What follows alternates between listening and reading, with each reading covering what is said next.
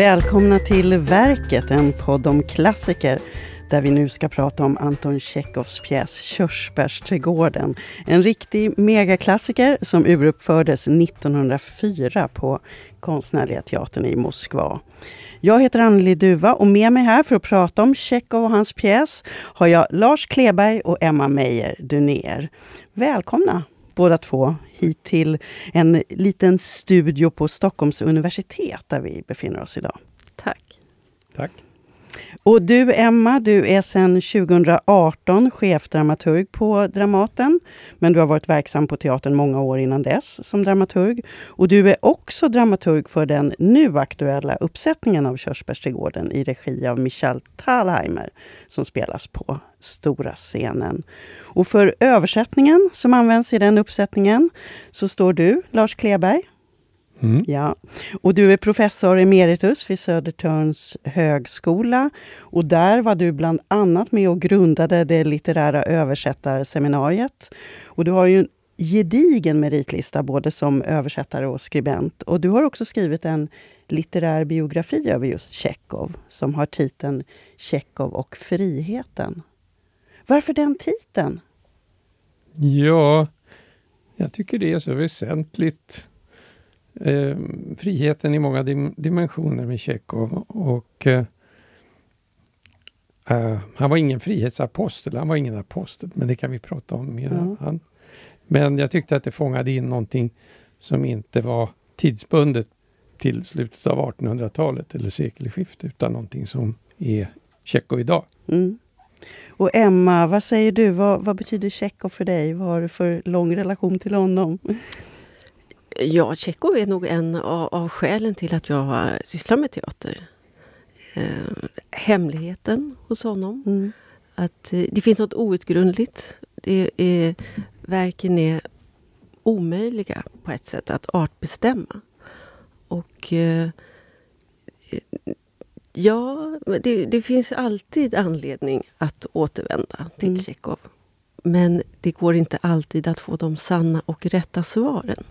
Eh, Så han visar en, en ny sida hela tiden. Och Mm. Det är väldigt fascinerande.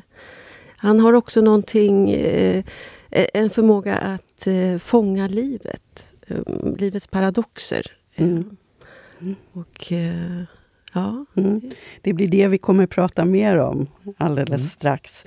Jag ska bara säga först också att lite kort, Anton Tjechov, att han levde ju faktiskt ett kort liv också. Han föddes 1860 och dog 1904, alltså samma år som Körsbärsträdgården hade sin urpremiär.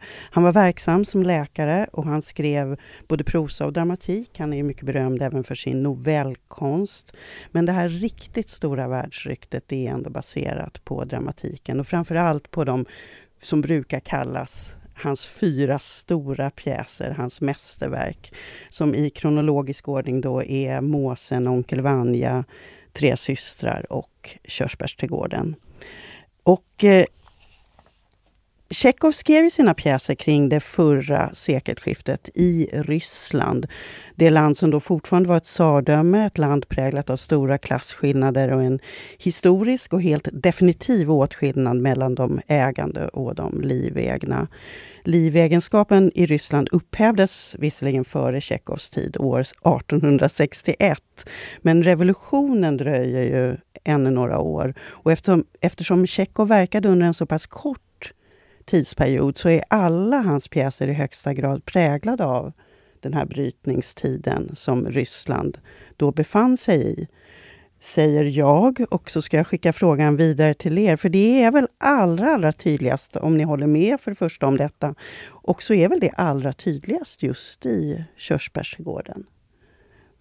Vad vill du Lars Ja. Kleberg som har sysslat så mycket med detta? Ja. Jo, pjäsen handlar ju Ja. om ett, ett eh, nedgånget gods på eh, sydryska eh, provinsen där eh, man har efter livegenskapens avskaffande så skulle bönderna få köpa jorden, köpa fri jord. Eh, och godsägarna skulle få pengar, men då fick, hade ju bönderna inga pengar. Så staten betalade ut så eh, godsägarna cashade in enorma eh, mängder av eh, pengar som de ofta inte investerade utan levde upp I det här lilla fallet har de belånat resten så långt det går och gården ska säljas på mm. auktion. Och då kommer en ung man som försöker övertala ägarpar, ägarna, systern och brodern, att, att eh, de ska köpa ut och göra sommarstugor och uh, leva vidare på ett vettigt sätt. Men det fattar de inte och han, till slut köper han med viss uh, sorg eller blandad, mycket blandade känslor så köper han av godsägarna deras egendom och ska göra sommarstugor och mm. industrialisera. Mm. Och den där brytningen är ju alldeles, är ju våldsam och den går ju rakt genom människorna också därför att de, de tidigare ägarna, ja de förstår ju inte kanske men de märker ju att allting glider iväg. Eller de står kvar, tiden rusar förbi och den unge mannen, Lopachin, han han, han kan inte låta bli att expandera, liksom gå, gå vidare. Men, men det smärtar honom att ingen förstår det. Mm. Man kan ju säga att den viktigaste händelsen, formella händelsen i Körsbärsträdgården är den här auktionen av gården som ju äger rum utanför scenen. Det är ju inget vi ser. Men däremot så har någon väldigt roligt formulerat det som att de fyra akterna, att man kan läsa dem som att första akten så förstår man att körsbärsträdgården nog måste säljas. I andra akten så inser man den kommer att säljas. I tredje akten säljs den och i fjärde akten är den såld. Har ni något att tillägga till denna? Ja, de gör ju lite tafatta försök i andra akten att ändå rädda eh, gården. Och de ska låna pengar av en moster i Jaroslav. Och, eh, ja, de har olika idéer, kanske vinna på något lotteri eller så vidare. Eh, mm, men, men herrskapets eh, idéer mm, är inte så Tjechov, så vettiga. Tjechov hatade femaktare. Den eh, klassiska dramatiken ska ha fem akter med en höjdpunkt i femte akten och sen eh, i, tredje, i fjärde akten och sen en fördröjning och sen en avslutning. Eh, han klippte alltid bort en akt eh, och då händer saker. Det som händer händer utanför scenen. Det har redan varit. När man mm. kommer till nästa akt så har det redan varit. Men där finns väl mycket av Tjechovs själ just i detta. För den handlingen är ju ändå oerhört närvarande och i grunden för allt vi ser, fast vi inte ser den händelsen. Ja, men där, det återspeglas också i tredje akten där, det, eh, där Ranevskaja ordnar en stor bal eh, och, och bjuder in eh, byfolket och fördriver tiden just den här specifika dagen då aktionen faktiskt äger rum medan de sitter och väntar. Men, så att de försöker, ja, det är ju en sorts också förnekelse av det som faktiskt kommer att hända. Eh, där de på olika sätt fördriver eh, tillvaron. Och hon gör av med ännu mer pengar på att ja. ordna en bal fast hon redan mm. inte har några pengar, vilket också är en viktig mm. bild, eller hur? Ja. Vad säger du Emma, just om man börjar med själva handlingen och upplägget för den här pjäsen? Ja, men först en sak om din första fråga. Mm. Eh, hur det påverkar rollfigurerna hos Tjechov eh, och också i hans noveller, eh, karaktärerna där. Det är ju att det varje människa vill på något sätt bli någonting annat än det de egentligen är. För, för med några få undantag, som vi kanske också eh, eh, ringar in idag. Men, eh, så att det finns en strävan efter någonting annat. Mm. Kanske ett annat samhälle eller en annan roll eh, för människorna. Mm. Och det är väldigt spännande. Eh, Jo, och eh, vi kommer återkomma också även till rollgestalter. Att vi nystar oss inåt här tänkte jag lite steg för steg. För om vi börjar med den här själva körsbärsträdgården. Nu när vi spelar in det här så konstaterade ju du Emma att du på vägen hit såg hur körsbärsträden blommade faktiskt, att vi är i den tiden också. Men det här med körsbärsträdgården, den är ju både faktisk och symbolisk. Mm. Vad, vad, vad vill du säga om den? Ja, men man, man kan ju... Äh, äh, ändå tänka att Tjechovs pjäser, de här fyra stora som du talar om, de utspelar sig ju inte i någon storstad, utan i periferin, ute på landet. Och äh, det är en grupp människor som avspeglar samhället i stort, som samlas, ofta i ett hus. Eh, några har bott där hela tiden, några är ditresta. Och eh, i det här fallet så, så, så finns det eh, minnen, barndom eh, kopplat till platsen, då, eh, huset, men också själva körsbärsträdgården. Mm. Och eh, det, det, är ju fenomenalt av Tjechov att eh, skapa den här mm. Platsen. Att det inte enbart är eh, en familj eller att de är sommargäster eller någonting sånt. Utan de har alla individer i pjäsen har ett förhållande till platsen och mm. till, väldigt konkret till Körsbärsträdgården. Mm. Men sen finns det naturligtvis, och det är ju det som alla regissörer ständigt tampas med i en uppsättning. Vad betyder Körsbärsträdgården just nu i den här uppsättningen? Och det är klart att 1904 när den uruppfördes så stod Körsbärsträdgården för en sak. Och idag i uppsättningar så står den för någonting annat. Mm. Men då kan man väl säga ändå, för det pratas ju om det i pjäsen så är det ju så att den är ju till och med omnämnd. Den finns ju med i uppslagsverket. Den är så berömd så det är ju en bild av någon sorts eh, ultimat eh, skönhet. Uh, för vissa. Ja, jo, för vissa. Jo, men ja, absolut. Det finns också rollfigurer som mm. har ett svårare förhållande mm. till Körsbärsträdgården där det påminner om någonting annat. Mm. Lupachin till exempel eh, som får andra minnen och associationer av mm. körsbärsträdgården. Men sen så påtalas det ju också att körsbärsträdgården bär inte längre frukt. Den har på något sätt eh, den har blivit för gammal. Eh, och eh, så, så den, någonting måste göras med den. Den måste föryngras. Mm. På något sätt. Eh. Vad säger du Lars om just körsbärsträdgården som, som bild och symbol? Mm. Ja, Tjechov var ju fenomenal på att hitta platser. Eh, och just det här i de här pjäserna, där några kommer resande till en plats, eh, de som är kvar, så, eller som är där, och så blir det en kris och så skingras de igen. Eh, det är ju mönstret, det är ju, därför gör det ibland svårt att hålla reda på vilken pjäs man talar om. Mm. Men Körsbärsträdgården är lite speciell. ja, platsen är väldigt tydlig, den finns i titeln.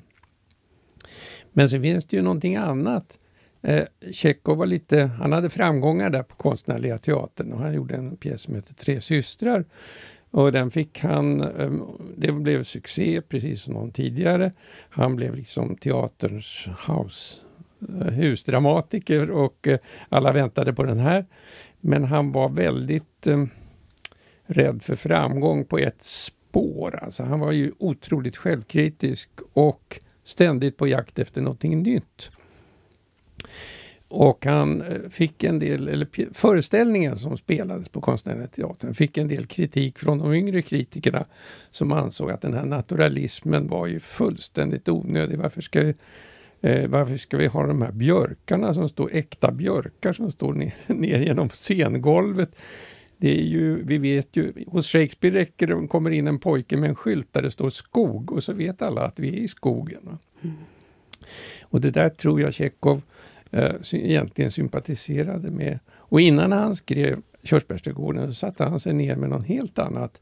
Nämligen en, en komisk eh, monolog som heter Om tobakens skadlighet. Som är en av hans otroligt groteska och roliga enaktare. Och det var för att rensa bordet tror jag och börja om på nytt. Eh, och eh, i Körsbärsträdgården så finns det här som vi pratar om. Men det finns också en, en nivå med de här rollerna som personerna som är indragna i, det här, i den här handlingen som vi har talat om. De är fångna, men de är inte bara fångna i sina sociala, eh, sitt sociala nätverk. De är ju också komiska figurer eller dramatiska figurer från, från liksom repertoar tidigare. Det finns komiska roller, det finns en pajas, det finns en, en eh, Colombin, den här Charlotta Ivanovna, mm. den gåtfulla lärarinnan eller, in, eh, eller vad hon är. Mm, mm, mm. Och, eh, och och så vidare. Första älskaren och resonören och sådana där. Och Tjechov lekte med de där eh, roll, gam, urgamla rollfacken. Och så, att det, så att det finns någon, nästan någon ja, marionetteaternivå över det här som vi pratar om. Och lekfullheten. Han älskade ju att leka med språket. Konstiga folk har ju såna här tics. Det är väldigt många som har tics i hans pjäser. Och, eh, verbala tics eller fasta, fasta saker som de hela tiden åter, återkommer. Man känner igen alla personerna. När vi har sett pjäsen så känner vi igen dem på grund av mycket på deras sätt att tala. Mm. Men det är ju ja, förlåt, ja, men det är ju så återkommande det här, för eftersom du tangerar det, att han själv ju kallade sina pjäser för komedier. Alla som någonsin har läst eller hört någonting om Tjechov har hört detta. Han kallade dem för komedier, men det är väldigt sällan de har spelats på det sättet och det är förstås inga renodlade komedier. Men har ni, Emma, har du något mer att säga om det där med den här komedi... Vad är Tjechov egentligen? Hur komiskt är det? Eller varför vill han kalla dem för komedier? Ja, men, men han började ju sin karriär, sin skrivande mm. karriär mm. i väldigt unga år. Och då skrev han små korta eh, historier och skickade till olika skämttidningar. Så att det var väl hans, eh, hans eh, begåvning på något sätt. Att med några få ord, i några få rader fånga ett livsöde eh, eller en vändning, eh, som en skiss eller ett fotografi på något mm. sätt. Eh, fånga ett skeende och det här fortsätter han med in i sin dramatik. Att han på något sätt skulpterar fram ett antal ögonblick mm. som säger väldigt mycket om vad livet är just nu.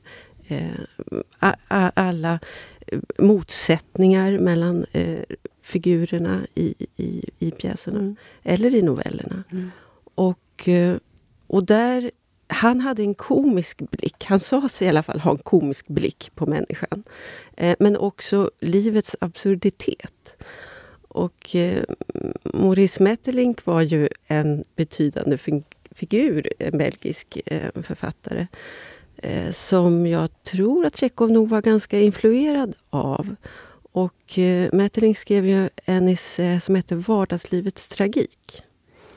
Och på något sätt är det ju det Tjechov gör att han på ett komiskt sätt fångar eh, mm. tillvarons tragiska ja. Eh, förutsättningar.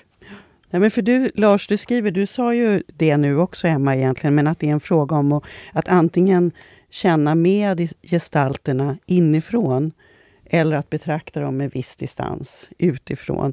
Men det Tjechov gör är väl e-, egentligen att han blandar väl de här två förhållningssätten, eller? Mm, ja, det tror jag är det som är spänningen med, ja. med honom. Hans sätt att kunna både se personerna inifrån, för de är, ja men det här exemplet som Bergson, filosof, franske filosofen som har skrivit en bok om skämtet.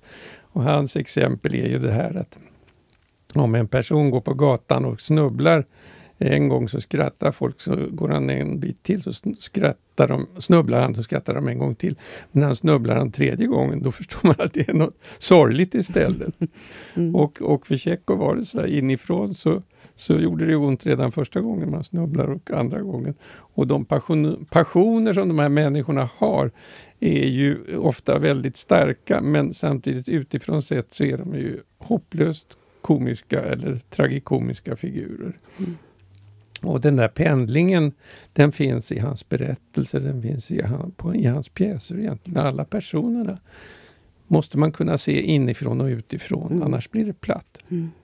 Eh, regissören Ralf Långbacka har också skrivit en, en bok om Tjechov. Och han har skrivit, apropå just Körsbärsträdgården, att alla rollgestalter och alla människor eh, hos Tjechov lever på en gång, både i nuet, i historien och i framtiden.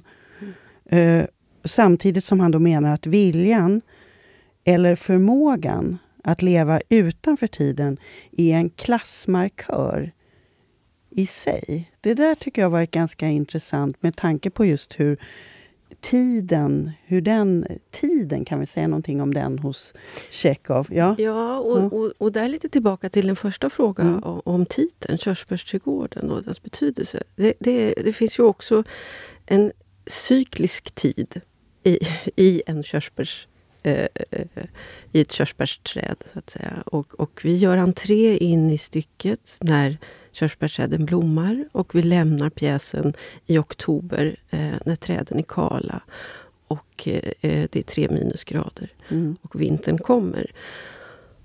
Mm, så pjäsen är på ett sätt en mosaik av, av hela persongalleriets förhållande till tid.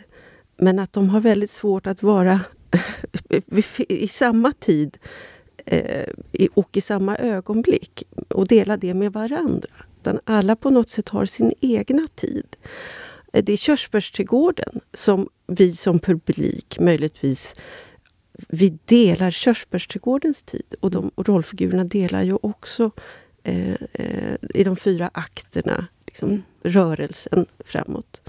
Eh, först är det vår, sen är det sommar, sen är det sensommar och sen höst. Mm. Att, eh, och, och, det är väldigt vackert och naturligtvis poetiskt eh, skildrat. Men det synliggör ju också um, de individuella skillnaderna. Mm. Och, eh, och det som du kanske far efter är ju syskonen Ranevskaja och Gajevs tid, så att säga. De har varit de som en, äger. Ja, ja, de som äger härskapet, så att mm. säga. Och härskapet kanske kan unna sig att, att leva i, i, i minnet av barndomen. Eh, eller i det förflutna, det förgångna. Men också har de haft ett liv utanför Körsbärsträdgården. Ranevskaja har varit i Paris i många år och återvänder just i första akten. Eh, medan äh, tjänstefolket så att säga har sin tid på godset och inte lika mycket tid att fundera över sin tid och sina minnen. Det var väl egentligen kanske det ja. jag tänkte som han är så bra på att eh, visa. Och att den börjar, kan vi ju säga då, Körsbärsträdgården, i barnkammaren. De kommer tillbaka från Paris och har varit borta. Och sen så är, utspelar sig första eh, akten i barnkammaren. Vilket är väldigt betydelsefullt också kopplat mm. till precis det. Och att det är det de också pratar om. Och tittar på, som sätter igång hela det här förhållningssättet till minns du, minns du? Vad ville du fylla i med? Jo, ja. eh, det, det, finns ju en lyrisk ton hos Tjechov och den eh, naturligtvis, och Körsbärsträdgården står för mycket blommorna och blom, det som blommorna som försvinner och träden är kala. Mm. Men eh, olika regissörer har ju lagt accenterna på olika sätt där. Mm. Det, det, är intressant med Tjechov skrev uh, i den här pjäsen så folk pratar väldigt mycket. Uh, och det är lite oklart vad de har för personliga relationer. Det verkar som olycklig kärlek på lite olika håll. Men uh,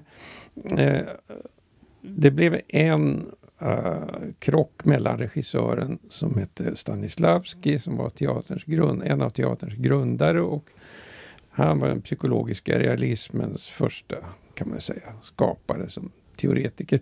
I varje fall, han i andra akten, där man inte vet vad... Det händer absolut ingenting. Folk pratar. De går ut i skogen eller på någon äng och så pratar de och så, så går de åt olika håll.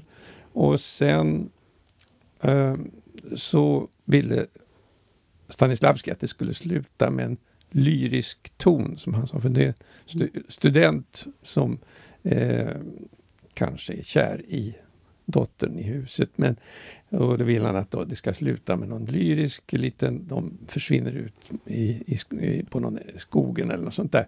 I, i alla fall i, mot någon, ner mot en strand. Men Tjechov hade inte tänkt att andra akten skulle sluta. Så där ska den sluta med någonting helt. Där pratar faktiskt mm.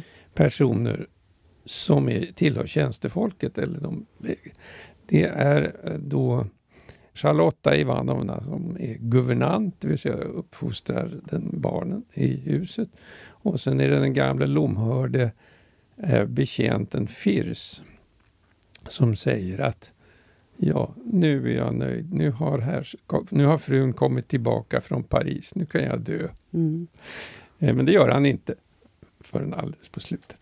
Eh, han och då kom, står den här Charlotta Ivanovna och träffar plötsligt på den här betjänten Firs. Herrskapet är borta, huvudpersonerna som vi ändå tycker finns inte där. Han letar efter fruns saker hon tappar. Hon har tappat. Ja, hon har tappat allting. Hon har tappat hela sitt liv, säger Charlotta mm. Ivanovna. Men sen börjar hon berätta om sitt eget liv, om hur hon var föräldralös, uppfostrad, hon fick gå på, var på cirkus och blev någon tysk tant som tog hand om henne. Och sen berättar eh, den lomhörde Firs, som verkar ha någonting att säga, han berättar om sitt liv, någon konstig historia i sin ungdom när han blev oförtjänt satt i fängelse för det var två andra som hade mördat någon person. Eh, och dräpt någon person och rånat honom. Och då, och, och då slutar det väldigt sådär eh, ut i luften fullständigt. Mm. Där, där de två sitter och den lomhörde Firs, han hör precis allting som Charlotta Ivanovna säger när hon pratar. Mm. Eh, och den där ironiska vändningen och sättet att lämna en, en stort tomrum i slutet på en akt. Det var ju, Tjechov var ju mästare på det. Mm. det. Det är lite grann det där, jag tycker att Tjechov, det handlar inte så mycket om att människan ska befria sig på ett visst sätt eller människan ska, eh, naturligtvis, frihet är en, en önskedröm för alla. Men Tjechov hade ju också en väldigt bestämd uppfattning att läsaren eller åskådaren måste befrias ur det här strypgreppet som den stora romanen eller de här melodramatiska pjäserna satte på dem. Alltså. Mm. Men människorna måste kunna andas och människorna måste kunna själv fatta beslut, lägga till, läsa in, se mellan de här luftiga replikerna. Mm. Men det tycker jag du visar väldigt fint i din bok Lars, Ekofriheten där. Att, att eh, Tjechov hade en idé om att om han visade upp människan så som hon är på något sätt så skulle eh, publiken då ändå kanske förändra sig eller eh, mm. ja, eh, se saker och se livet på ett annorlunda sätt. Sen förmår inte rollfigurerna i styckena förändra sina liv. Men kanske kan publiken ändå mm. eh, påverkas. Men är det inte så att Stanislavski tog bort just den scenen ja, som du mm, talar om i slutet på andra akten? Han klippte bort ja. det där. Han sa till Tjechov, vi måste ta bort det här för jag vill ha ett lyriskt aktslut här. Mm. Tjechov blev alldeles dödstyst blekt. Han var ju redan så sjuk. Och så teg han en lång stund så sa han, ja, stryk. Mm. Och så flyttades eh, Charlottas eh, Ja, de bytte om lite. Så replik det där hennes till, historia. Ja, Hon fick början. prata lite i mm. början, men Firs fick inte prata. Nej. Och hela stämningen blev annorlunda. Mm. Och um, så har det blivit. Oftast har det spelats så, men på senare år så har man grävt fram den där eh, tidiga versionen och just den här mm. eh, oerhört eh, spännande, eh, spännande scenen där som lägger till så mycket helheten rubbas av det där. Mm. men för det finns ju så mycket att säga just för att Tjechov också har den här enorma populariteten, inte minst bland skådespelare. Och då är det ju roligt att se hur till exempel Peter Sondi, som ju var en tidig person att skriva om det moderna dramats framväxt och sådär. Och han skriver om Tjechov, då tänker jag att kände jag, hade han riktig koll där? Men då, han kallar det för monologer förklädda till dialog, skriver han. Och andra kan ju säga saker som att det händer ingenting. Att de bara är där och pratar och det händer ingenting.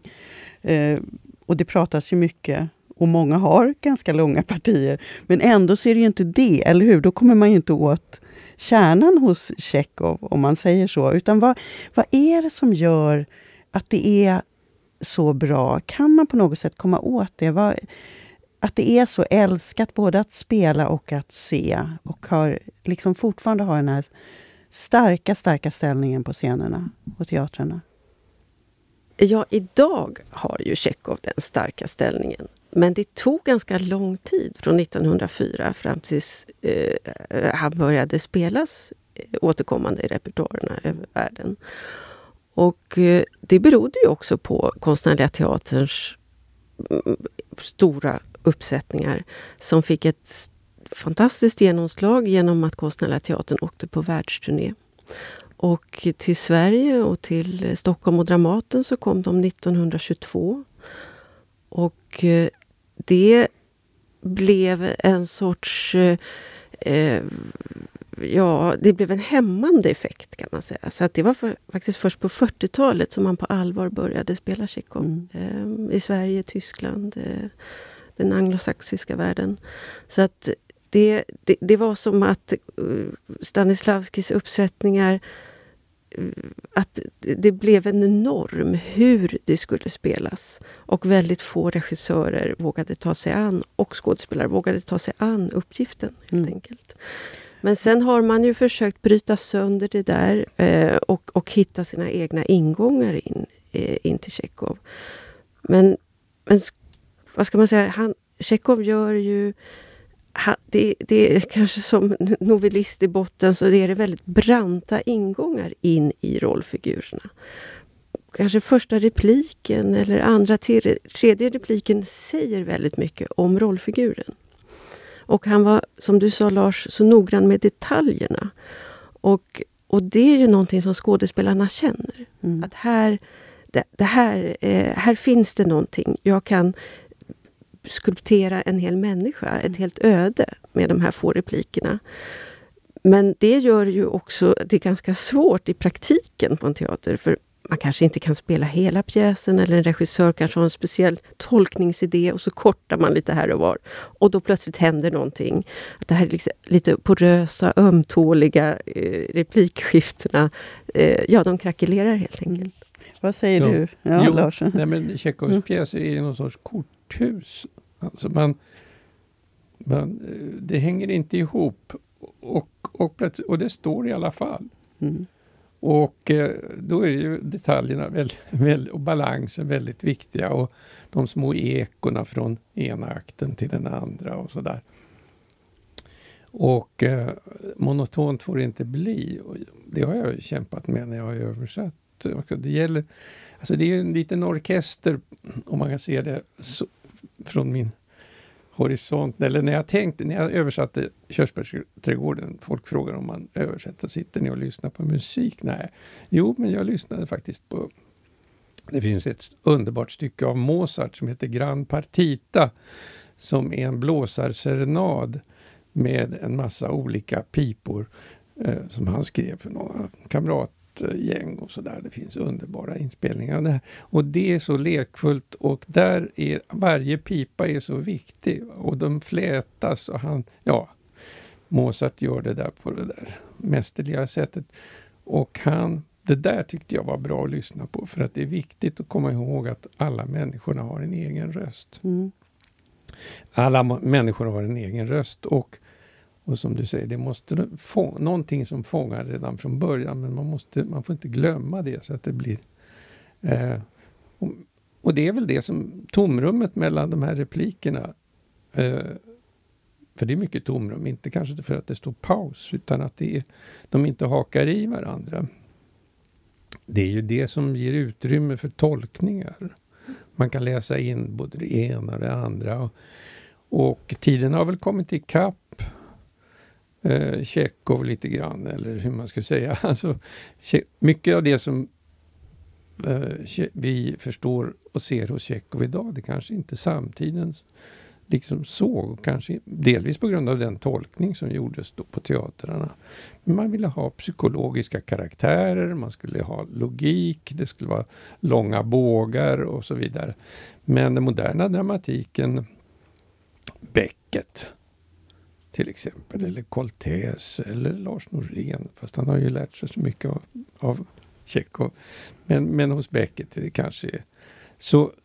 Och läser man Tjechov i, den, i det sammanhanget, Tjechov uppfattades, tycker jag, ibland uh, som en sista sista stora ryska klassikern, det vill säga slutet på 1800-talet. Han var inte slutet på 1800-talet, han var början, början på 1900-talet. 1900 ja. Mm. Ja. Verkligen. Men, och det, det som inte sägs, som du lyfter fram, mm. är minst lika viktigt mm. som det som sägs. Eh, och Sen är det någonting annat också som är roligt för skådespelarna och det är att alla roller är bra. Det finns inte just den där eller de huvudrollerna och sen en massa bifigurer utan alla roller framträder med sina fullständiga liv på något sätt. Mm. Och eh, det är fantastiskt. Men, men trots detta, för det är ju sant, men trots detta, har ni någon favoritrollgestalt i just Körsbärsträdgården eller någon som ni skulle vilja säga någonting mer om? Ja, den här Charlotta Ivanovna, den här gåtfulla guvernanten med sin historia tycker jag är så fascinerande. Men eh, det finns också en, den olyckliga, eh, inte riktiga dottern till, till eh, dam, alltså ägarinnan eh, som heter Ranjevskaja. Hon hade två barn.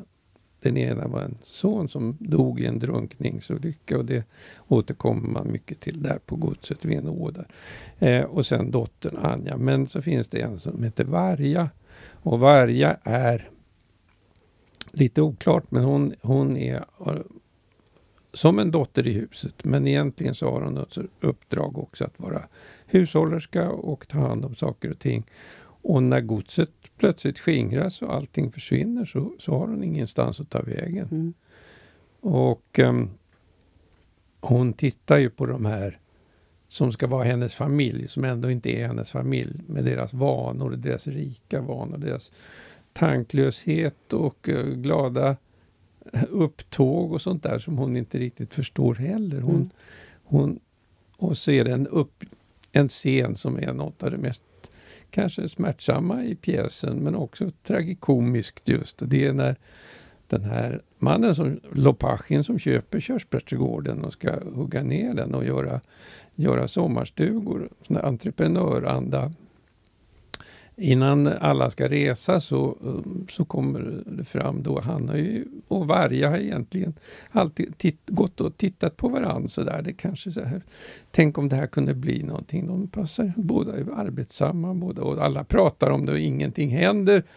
Och, och just när de ska åka så kommer eh, Ranjevskaja på då, ja men Lopachin, men, men ska inte ni varför har ni aldrig friat till vargar? Ja, men det kanske aldrig är för sent, säger han. Och så, ja, men okej, okay, då gör vi det. Mm. Och så regisserar hon ett litet möte där plötsligt. Eh, tåget ska snart gå. Och så kommer de, sitter han där och så kommer hon in.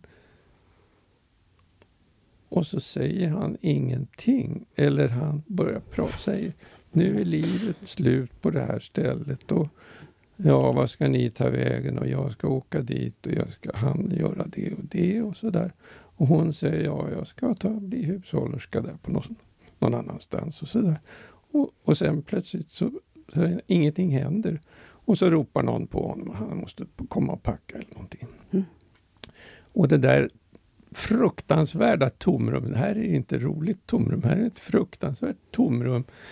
Och uh, uh, men det återkommer ju också hos Tjechov. Det är ju inte, det är ju inte enda gången det är ett uteblivet frieri eller en utebliven möjlighet som alla är medvetna om att den borde äga rum. Och, eh, och där kan man ju då också, för det tycker jag är spännande och det har jag frågat mig många gånger. Kärleken hos Tjechov, finns kärleken? Och där har jag också frågat andra människor och, som, och någon svarade någon gång att nej, nej, men det finns bara en det finns bara en föreställning om vad det skulle kunna vara, eller att den skulle mm. kunna finnas. Men för är de här två, är Lopatchin och Varga man, som åskådare vill man ju att de ska, att de ska gifta sig mm. någonstans. Men är de kära eller är giftermålet en praktikalitet? Eller vad, vad, säger ni? Eftersom det är så typiskt, det är Tjechov, essensen av Tjechov mm. någonstans i den scenen och det här ofullbordade. Ja. ja, men det är också människans oförmåga att gripa tag i sitt öde. Eh, eller att fånga ögonblicket. Mm. Och eh, nej men det är fenomenalt skildrat just i den, mm. i den slutscenen. Och eh, så, Varja är... Men för Tjechov så tror jag nog att Lopachin och eh, Trofimov var de viktigaste rollfigurerna mm. i stycket. Trofimov är ju studenten som har blivit utslängd från universitetet. Han har ganska radikala åsikter. Mm. Och eh, Lopachin har ett öde på något sätt som lite grann påminner om Tjechovs egna biografi. Mm. Son till en eh, eh, eh, köpman, han har eh, farfar som var livegen och så vidare. Så att han har byggt sin karriär eh, med egna händer. Och, eh, men, men alla rollfigurer är skildrade med sån kärlek och värme.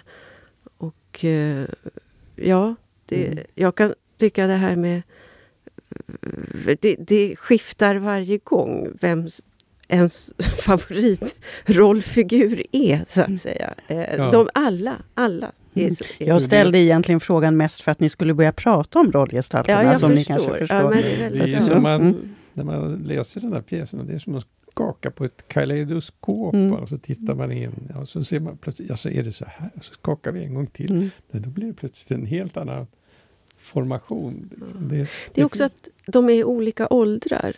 Så på något sätt genom ett liv. Man är Anja som är yngst i, i stycket, hon är 17 år. Eh, man är också kanske Varja som är, 20, vad är hon, 24, 22, 24. Men kanske också om man har tur att man blir Firs en dag som är över 80. Så att man mm. på något sätt eh, eh, genom livet liksom vandrar eh, genom rollgalleriet. Mm. Men om vi ska också anknyta lite till den aktuella uppsättningen, Michael Thalheimers uppsättning av eh, Körsbärsträdgården, så är ju det en väldigt, om vi ska förenkla en väldigt tysk, stiliserad, stram uppsättning. Eh, det finns ju fördomar, klichéer om hur man spelar Tjechov. Delvis baserade på att man länge spelade Tjechov på ett sätt att det var spetsdukar, björkar, samovarer, allt det här vi känner igen. Och sen har man ju med tiden på olika sätt, eller hur, försökt bryta med den där traditionen. Och eh, kan man, vad kan man säga om de här olika sätten att eh, spela Tjechov på och hur det har förändrat sig över tid?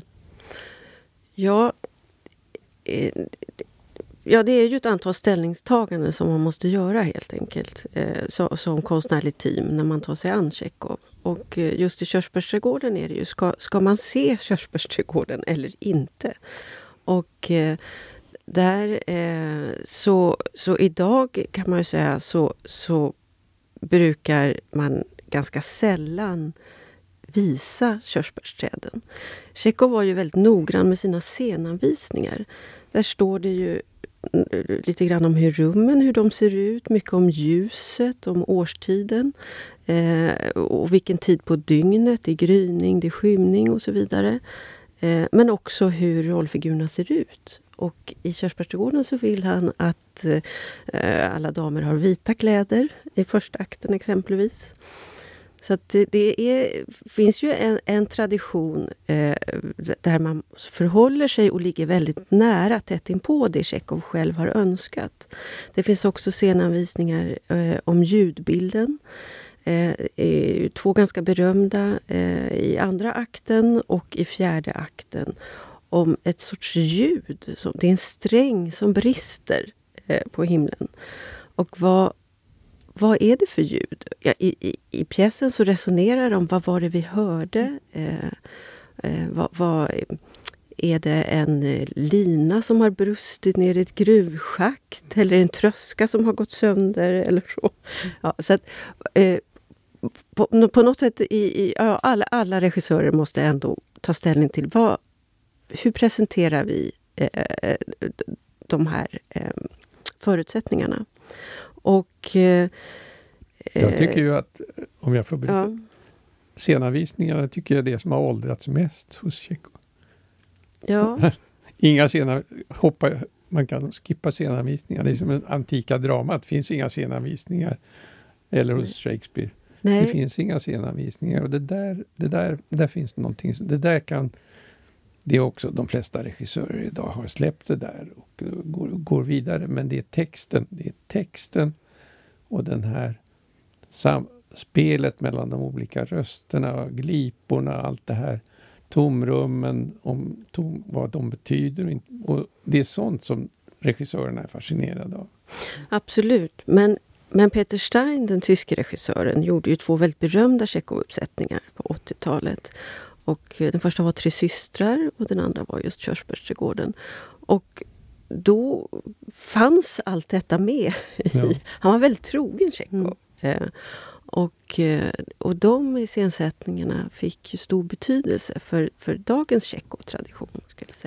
Så att när just Michel Thalheimer som du nämner, en, en tysk regissör, han jobbar med sin minimalism. Det vill säga han, han rensar bort så mycket som möjligt då för att förhålla sig naturligtvis till de eh, Men Peter, Peter Brook gjorde ju också mm. en väldigt berömd Körsbärsträdgården som var väldigt minimalistisk ja. också. Som ju också har haft oerhört stor betydelse ja. för, för många teatermänniskor. Nej, men jag tänkte mer att det som är intressant är hur ni känner inför de här ut, att, ut, att Tjechov utmanas, som man säger så. Att man försöker se hur långt man kan gå. Ja. Att det är nödvändighet. Mm. Och, och just att, att med, med vilken blick tar man sig an Tjechov? Vad är det man lyfter fram? Eh, är det, är det det sentimentala, det melankoliska? På något sätt tiden. Är det tiden som är viktig? Förlänger man eh, eh, gestaltar man tiden, så att säga, då tenderar stycket att bli ganska långt. Mm. Men om man följer eh, eh, Tjechovs egen intention så, så, spelas det rätt raskt. Och, eh, och där, så jag tror ändå att i varje uppsättning måste man på något sätt ändå förhålla sig till det här mycket berömda uruppförandet 1904.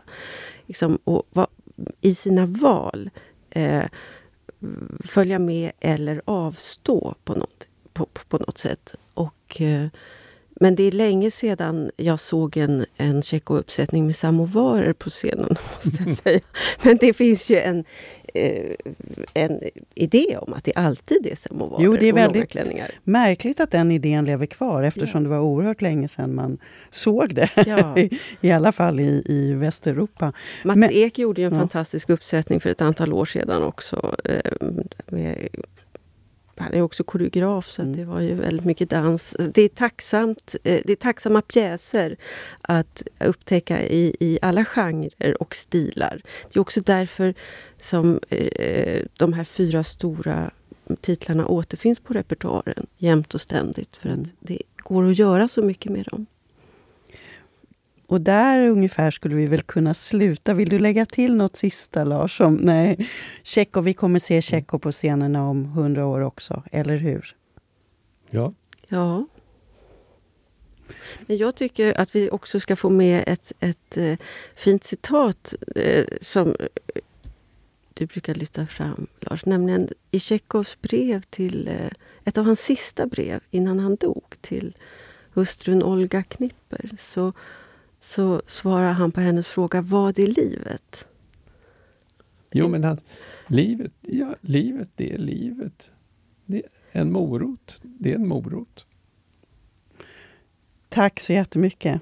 Lars Kleberg och Emma Meijer Dunér. Och verket är naturligtvis tillbaka snart med nya program om nya verk.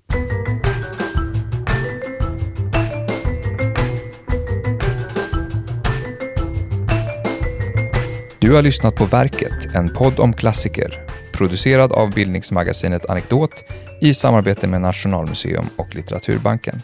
Alla avsnitt samt fler poddar, filmer och essäer hittar du på anekdot.se.